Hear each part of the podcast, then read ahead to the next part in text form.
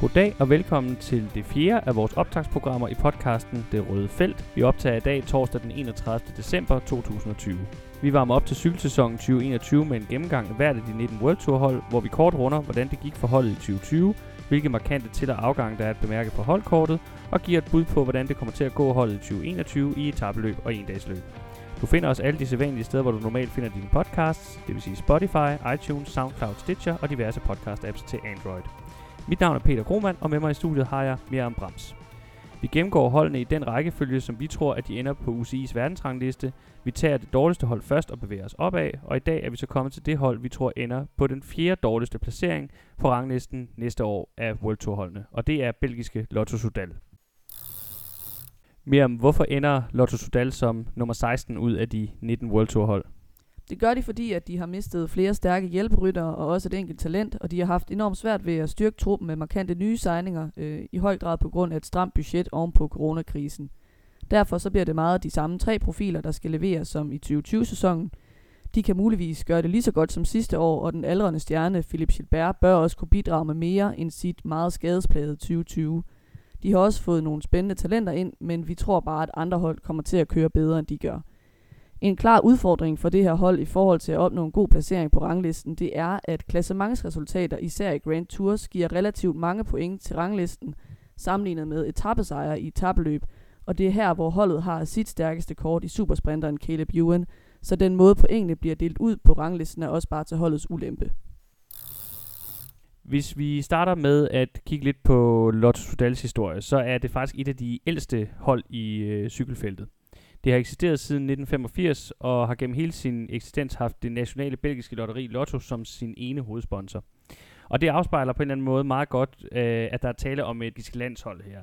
Det eksisterer primært for at sikre det cykelgale lands mange talenter en adgang til sportens højeste niveau, og budgettet har aldrig været det største. Og der er så også en forventning til holdet om, at størstedelen af truppen den skal være belgisk. Holdchefen, han hedder John Lelang, Lelong. Lelong, ja, jeg er ikke så god til de der franske navne. Øh, og det man kan sige om ham er, at han er sådan primært en øh, erfaren cykeladministrator. Han har haft flere jobs øh, i forskellige administrative funktioner, også øh, i UCI og i forskellige løbsorganisationer, før han i 2018 blev holdchef for Lotto Soudal. Øh, og det blev han i øvrigt på baggrund af en konflikt med den tidligere ledelse, som fuldstændig blev afskedet, og så kom han så ind og, og overtog ansvaret. Øh, hvordan er det så gået her i 2020 for Lotto Sudal, som det jo så var tredje år under Lelangs, Lelongs ledelse? Jamen, det er gået måske lidt som det plejer, kan man være fræk at sige. Altså, de ender i den nederste tredjedel blandt World Tour holdene. De blev det 15. bedste World Tour hold sidste år, og blev også slået af to pro-kontinental hold. Og det er bare typisk en placering omkring det sted, de lander, fordi at, øh, de har et rimelig begrænset budget, og de har de her øh, begrænsninger i, hvad for en trup det er, de kan sammensætte. Det var især tre navne, der kørte point hjem til holdet sidste år. Det var dels supersprinteren Caleb Ewan, som vandt to etapper under Tour de France og også vandt Scheldeprijs. Så det var for ham, kan man sige, en godkendt sæson, men uden at det var ekstremt prangende. Så var det John Degenkolb. Øhm, han har jo tidligere været topnavn inden for, øh, for klassikerne, som vi også skal tale om senere. Så blev han kørt ned for nogle år siden, og har ikke rigtig været den samme rytter siden da, men han leverede en top 10 i Flanderen, igen Wevelgem og i Drie Daxe de Panne, som er blevet et endagsløb. Så han bidrog også med point til, til ranglisten. Og så øh, også en klassikerrytter i form af Tim Vellen, som også er en rigtig dygtig etappejæger, som vandt øh, to etapper i Vueltaen.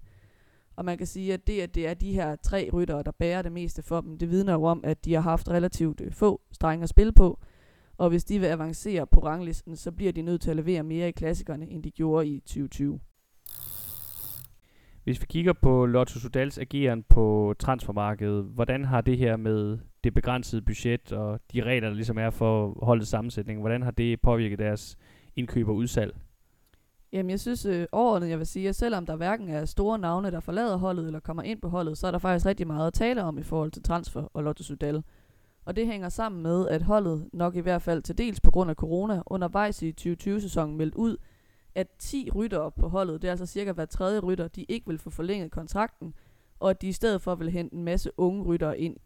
Ja, og der må man sige, at øh, de har holdt ord. De henter ni ryttere ind i det her transfervindue, hvor at øh, de fem af dem øh, kommer fra deres eget udviklingshold. Ja, hvis vi ser på dem først, så kan man sige, at den, den mest lovende, det er nok ham, der hedder Sandros Verflosem. Øh, det er lidt svært med de her belgiske navne fra Flanderen. Du har svært ved at udtale belgiske navne, og jeg har svært ved at udtale franske, så det er fint. Det, det kører. I hvert fald flamske navne. Ja. Øh, han vandt øh, det etabeløb for U23-rytter, som hedder Ronde de Sar i 2020-sæsonen, som de seneste år er blevet vundet af en lang række unge ryttere, som har kørt flot på profniveau bagefter. Det gælder blandt andre Pavel Sivakov, som nu kører for Ineos, Alexandre Chenier, Kenny Elisond, Andrea Bargioli og så øhm, også Bjørk Lambrecht, som jo meget tragisk omkom efter et styrt i Polen rundt i 2019. Øhm, værd at nævne blandt de her nye talenter, de henter ind, der er også australieren Harry Sweeney, som vandt U23-udgaven af monumentet Lombardiet rundt. Ja, og hvis vi så skal tage de danske briller på et øjeblik, så er det jo interessant, at uh, Andreas Kron kommer til fra rivalholdet. Han havde et uh, rigtig fint 2020, hvor topresultaterne, det var blandt andet en etappesejr i det lidt mindre etappeløb Tour of Luxembourg. Det var et løb, hvor han også endte på en samlet femteplads. Og så derudover, og det var måske det mest imponerende, han lavede sidste år, det var at han blev en meget, meget flot nummer to til DM på en dag, hvor han virkede til at være den eneste, der kunne øh, udfordre den ellers langt mere etablerede Kasper Askren. Uh, og så har han også tidligere gjort det godt i sådan et etabløb som Belgien rundt, der også er sådan et, et der minder lidt om, om et, altså fem, at man kører fem endagsklassikere i træk. Lidt, fem lidt kortere endagsklassikere. Så Kron, han kan være, sagtens være et rigtig godt bud på den næste store danske klassikerrytter, hvis han slår til. Derudover så har jeg også øh, lidt fidus til den unge polak Maleki, som de henter ind fra det nu øh, lukkede CCC-team. Han har måske ikke helt øh, fundet sit speciale endnu, men han blev nummer 6 i det samlede klassement i Polen rundt på hjemmebane, et etabløb på højeste niveau. Og i Giroen, der så vi, at han til synligheden også kører hederligt opad, hvor han, han øh, lavede en fjerdeplads på 16. etape, som havde den her korte, hissige stigning med en maksimal stigningsprocent på 16%, cirka 10 km fra mål hvor han altså også kørte rigtig flot. Til gengæld så øh, er det ærgerligt, at øh, danske Rasmus Bjørl Iversen ikke får forlænget sin kontrakt. Han er en af de her ryttere, 10 rytter, der er blevet øh, hældt ud efter øh, sidste sæson. Øh, men som vi talte om i vores åbningsprogram, så må vi jo sige, at han har simpelthen bare ikke vist nok på, på højeste niveau. Og han er jo endt med faktisk at træde to niveauer ned og skal køre for Herning Cykelklub i den kommende sæson. Så må vi jo håbe, at han kan genfinde lidt af sine tidligere ben der. Ja, og han er jo langt fra den eneste, der siger farvel til holdet. Der går også en lang række habile ryttere, der sådan mest har haft en hjælperrolle ud, men som alligevel ikke bliver erstattet en til en. Det gælder for eksempel Jelle Valais, som vi snakkede om i, i forrige program, som forstærkning af Kofidis klassikertrup. Det gælder Nicolas Mars, som stopper karrieren, 34 år gammel, og Sander Ami, der både har fungeret som sådan en solid hjælper, især i tabløb, og har kørt øh, mindre egne resultater hjem ved siden af. Altså for eksempel så har han kørt godt i opvarmningsløbene på Mallorca sidste år, hvor han blev nummer 5 i et og 11 i et andet af de fire endagsløb. Og han lavede også en etappesejr i det lille etappeløb i Frankrig, Poitou-Charentes. Så er det også et par øh, tidligere talenter, der siger farvel til Lotto Sodal her efter 2020. Øh, mest markant der øh, er det nok øh, belgiske Stan de Wolf, som var betragtet som en potentielt kommende klassikerstjerne. Øh, men han nåede så ikke at vise så meget. Øh, det største, vi så fra ham øh, sidste år, det var en 11. plads i Brabantse Pejl, den her belgiske semiklassiker, der ligger lige før de store Ardennerløb normalt. Øh, men han er kun 23, så det kan være, at han, øh, at han kan nå det endnu, og han øh, får chancen på World Tour næste år også. Det bliver så bare hos AG2R. Øh, til gengæld så tyder øh, 2020-sæsonen jo på, at øh, 8. pladsen i Vueltaen fra 2019, det var en enlig svale fra norske Karl Frederik Hagen. Øh, han fortsætter nu cykeltilværelsen på Israel, Startup Nation, og det bliver formentlig en rolle som hjælper for større og mere etablerede ryttere. Og så siger de altså også farvel, endelig kan man sige, til alle tiders superhjælper Adam Hansen, eller Adam Hansen, han er jo ikke dansker, men australier. God gamle Adam. Øh, han kører langt om længe sin cykel i garagen, men selvom han er blevet 40 år, så øh, triller han altså kun derind for at trille en anden cykel med ud, nemlig sin enkeltstartcykel. Fordi han vil nemlig til at fokusere på at køre Ironman. Han er til sydenladende slet ikke til at, til at stoppe. Jeg tror øh, måske også meget sigende, at det som mange danskere måske kan huske ham for, det er, at han var den rytter, som i Tour de France i 2010 væltede og brækkede kravbenet på en flad etape meget tidligt i løbet. Og dengang der kørte han for HTC Columbia og havde Brian Holm som sportsdirektør. Og Holm han beordrede så øh, Hansen til fronten af feltet for at trække øh, med de berømte ord ud af bilvinduet til en uforstående holdkammerat. Ermus! så han kommer frem forrest og træk, fordi at øh, Holms filosofi simpelthen var, at de kunne lige så godt få så meget ud af ham som muligt, før han formentlig måtte udgå, når de havde fået scannet kravbenet efter øh, etappen. Øh, Hansen han var generelt en hård hund, øh, har blandt andet kørt øh, 20 Grand Tours i træk mellem 2011 og 2018. Så selvom han ikke havde så meget turbo tilbage i benene, så er han nok en, en type af rytter, der bliver savnet både for sit hårde arbejde og for sin gode indstilling. Jeg tror faktisk, det var første etape, at han, øh, at han havde det styrt, og hvor han så blev beordret frem. Og så vidt jeg husker, så vandt Mark Cavendish også den etape. Så jeg det tror jeg faktisk ikke, han gjorde. Jeg mener, at, øh, at de havde flere styrt i løbet af etappen, okay. og det også kiksede for dem i finalen, og Mark okay. Cavendish han ikke slog til. Altså han vandt en masse andre etapper det år, mm. men, øh, men lige den dag, der gik det hele i fisk for dem. Uh, om ikke andet, så vil vi gerne sige uh, thank you and good luck til good old Adam Hansen herfra. Hvis vi kigger på, hvordan Lotto Sudal vil gribe øh, etabløbene an i 2021, så øh, er den store prioritet nok endnu en gang at øh, køre efter sejre i massespurter til øh, den australske supersprinter Caleb Ewan. Det var også tilgangen i 2020, og det har generelt været tilgangen for Lotto Sudal igennem mange år. Også dengang de havde uh, André som deres supersprinter, så var det typisk sådan, at så sendte de ham først til Gio'en, hvor han måske kørte halvdelen af løbet og valgte et par etapper, og så sendte de ham så til turen, hvor han så kørte hele vejen igennem og tog så mange etappesejre der, som, som han nu kunne. Det er Lottos generelle opskrift på succes og sejre, og det er nok også det, der kommer til at være hovedfokus i forhold til både uh, Grand Tours og så øh, uh, uetabløb i 2020. Eller i 2021, undskyld. Ja, og, og generelt så er det etappesejr, de går efter en anden fyr, der kan bidrage på den konto. Øh, det er Tim Vellens. Selvfølgelig ikke i sprinterafslutninger, men igennem udbrud eller igennem hårde finaler. Vi har jo i 2020 set ham vinde øh, to etapper i Vuelta i Spanien, og han plejer gerne at være god for, for etappesejr, eller i hvert fald habile øh, resultater i top 5, øh, både i Grand Tours og i ugetabeløb. Vi har også tidligere set, at han kan køre klassement i ugetabeløb. For eksempel så har han tidligere vundet Bing Bank Tour, det her ugetabeløb i Holland, hvor han også er blevet både nummer 2 og nummer 3 samlet. Han har også vundet Valonien rundt, og vi kan nok også godt vente at se ham prøve at blande sig i typer af løb som altså Bing Bang Tour, Vallonien Rundt, Tour of Yorkshire i 2021. Øh, det de her løb har til fælles, det er, at de har kuperet etapper, som minder om terrænet i hårde endagsløb, hvor han gør det godt, og eventuelt med en kort enkeltstart eller prolog, hvor han kan udnytte sin også habile tidskørsel, som ligesom kan ligge fundamentet under en god samlet placering.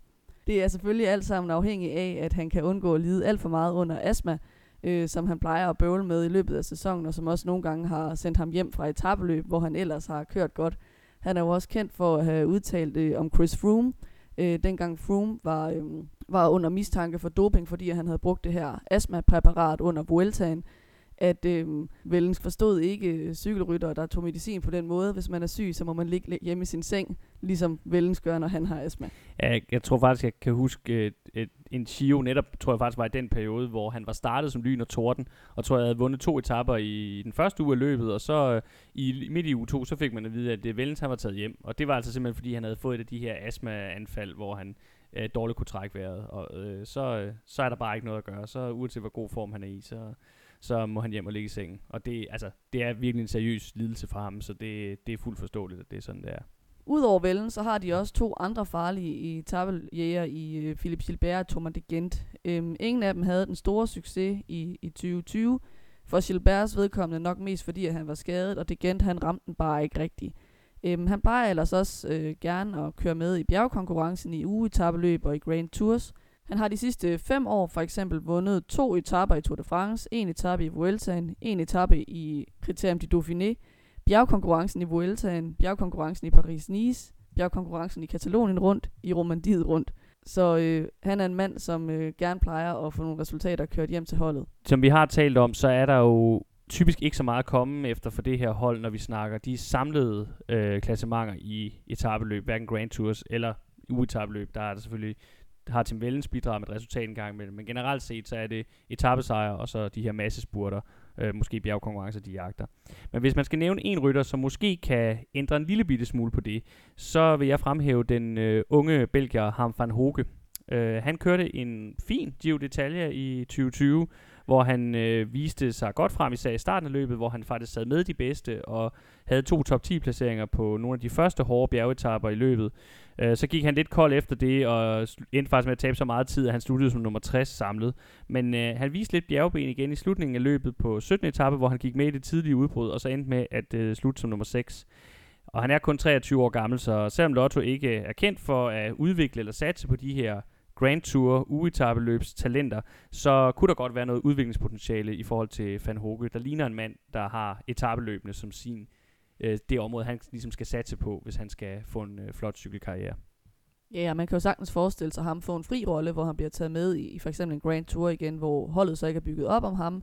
men han får carte blanche til at køre for sig selv i bjergene. Præcis. Det var, også, øh, det var faktisk også det, som øh, Jørgen van den Broek i sin tid tit gjorde. Han kørte jo også for det her hold i hvert fald en del af sin karriere, og havde nogle udmærkede øh, Grand Tour-resultater, øh, selvom at han ikke fik ret meget hjælp fra resten af holdet.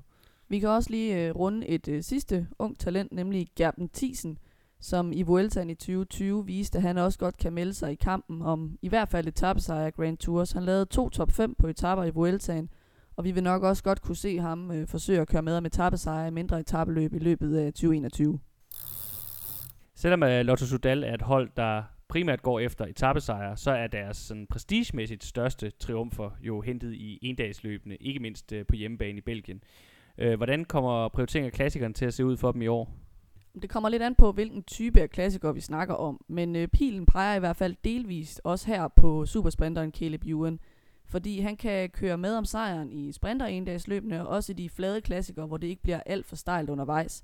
Fordi selvom han er rigtig hurtig, så har han altså også før vist, at han også er, er rimelig holdbar.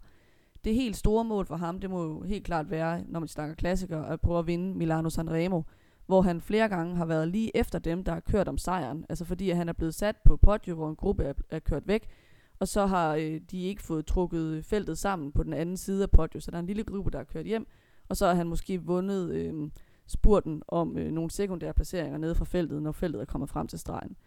Ellers så er der et løb som øh, Schelte som han vandt i år. Det er også et oplagt mål at prøve at gå efter igen i 2021, ligesom Euro Ice Cyclassics i Hamburg, som han også før har vundet. Øh, når løbene bliver mere kuperet, så er de nok for hårde for ham. Men et Gent Wevelgem vil måske være muligt på en rigtig god dag, selvom det godt kan være, at det bliver for hårdt for ham. Ja, det er i hvert fald de senere år, der har både måden, det er blevet kørt på, og vindforholdene været øh, for hårdt til, at sådan en rytter som Juren har kunne blande sig. Men, øh, men igen ser vi historisk på det, har Gent Wevelgem jo også tidligere i høj grad været et sprinterløb, så, eller et løb, hvor sprinterne kunne gøre sig, så det, det, det skal ikke afvises når vi snakker Lotto Sudal og øh, endagsløb, så bliver vi også nødt til lige at nævne veteranstjernen Philip Gilbert. Og for ham, der handler 2021 om én ting, og det er at vinde det manglende monument i samlingen. For hvis Gilbert han vinder Milano Sanremo, så bliver han kun den fjerde rytter i historien, der har vundet samtlige af de fem største endagsklassikere, øh, udover Rick van Looy, øh, Eddie Merckx og Roger de Flaming, som jo også alle sammen er belgier. Det er lidt sjovt. Øh, det vil nok blive en del satsning i det løb for Lotto mellem Gilbert og Ewan, og det er jo fordi, at Gilbert kan ikke vinde i en spurt, heller ikke hvis den er reduceret, så øh, det er et spørgsmål om, at han skal afsted på Poggio, og hvis ikke det lykkes, så har man så Ewan i baghånden til at forsøge sig øh, nede i Sanremo på Via Roma. Øh, Gilbert kan dog ud over det helt store sæsonmål formentlig også spille en rolle i flere brugstenssklassikerne, fordi han er jo både stadigvæk en udholden rytter, han har en enorm rutine, og han er teknisk set også ret dygtig, så han vil stadig kunne være en farlig outsider i brostensløbene, selvom han nok ikke er stor favorit til nogen af dem. Øh, til gengæld så har han jo mistet en del af den eksplosivitet, der tidligere var hans uh, varemærke, så det bliver nok svært for ham at gøre sig i hverken Ardennerne eller de rigtig hårde endagsløb, som han ellers tidligere har vundet i karrieren. Jeg vil selvfølgelig elske at se ham øh, vinde øh, Amstel Gold Race for femte gang, og dermed tangere øh, hollænderen Jan Raas rekord i det løb, men øh, det er nok ved at være, øh, være for svær en opgave for ham at klare sig i, i de mere kuperede endagsklassikere. Øh, det skal jo også siges, at han er på vej mod de 39. Han fylder 39 til øh, juni, tror jeg det er, lige før, lige før Tour de France. Øh, og så kommer han jo tilbage fra en sæson, der var plaget af skader. Han havde et, øh, et styrt i starten af turen, som endte med at holde ham ude af hele resten af 2020-sæsonen. Så han er lidt et spørgsmålstegn, men man må så også sige, at han så jo ikke pensionsmoden ud, det, det han nåede at køre, inden at han blev skadet i 2020. Så vi kan nok godt øh, forvente øh, en del af ham stadigvæk, også i den kommende sæson. Ja, og hvis han rammer formen i starten af sæsonen, så kan ham og Juan virkelig blive en giftig due til, til Sanremo, fordi man, som du siger, kan spille Gilbert ud på podio, eller endda før det, og så have, have Juan siddende i baghånden. En anden, der øh, også bliver vigtig for dem i, i brostensklassikerne især, det er Degenkolb, som vi allerede har talt lidt om. Han havde jo et par fine resultater i, i 2020 med den her 6. plads i Gent Wevelgem og 9. pladsen i Flandern rundt, øh, og sin 4. plads i, i Dridaxe de Panne. Øh, men som vi også allerede har været lidt inde på, så har han jo aldrig genfundet formen fra den fantastiske 2015-sæson, han havde, hvor han vandt Milano Sanremo og Paris-Roubaix samme år. Det, der skete, det var, at året efter, der blev han i sæsonoptakten, øh, eller måske sådan i vinterpausen, kan man mere sige, kørt ned under en træningslejr, og han er bare aldrig blevet den samme rytter siden da. Øh, man kan sige, at resultaterne fra sidste år, især måske top 10 placeringen i Flandern rundt, kan vise, at han er ved at genfinde lidt af sine gamle egenskaber, øh, fordi det løb bare er så hårdt og så eksklusivt, at hvis du sidder med i finalen der, så er det et rigtig stærkt statement.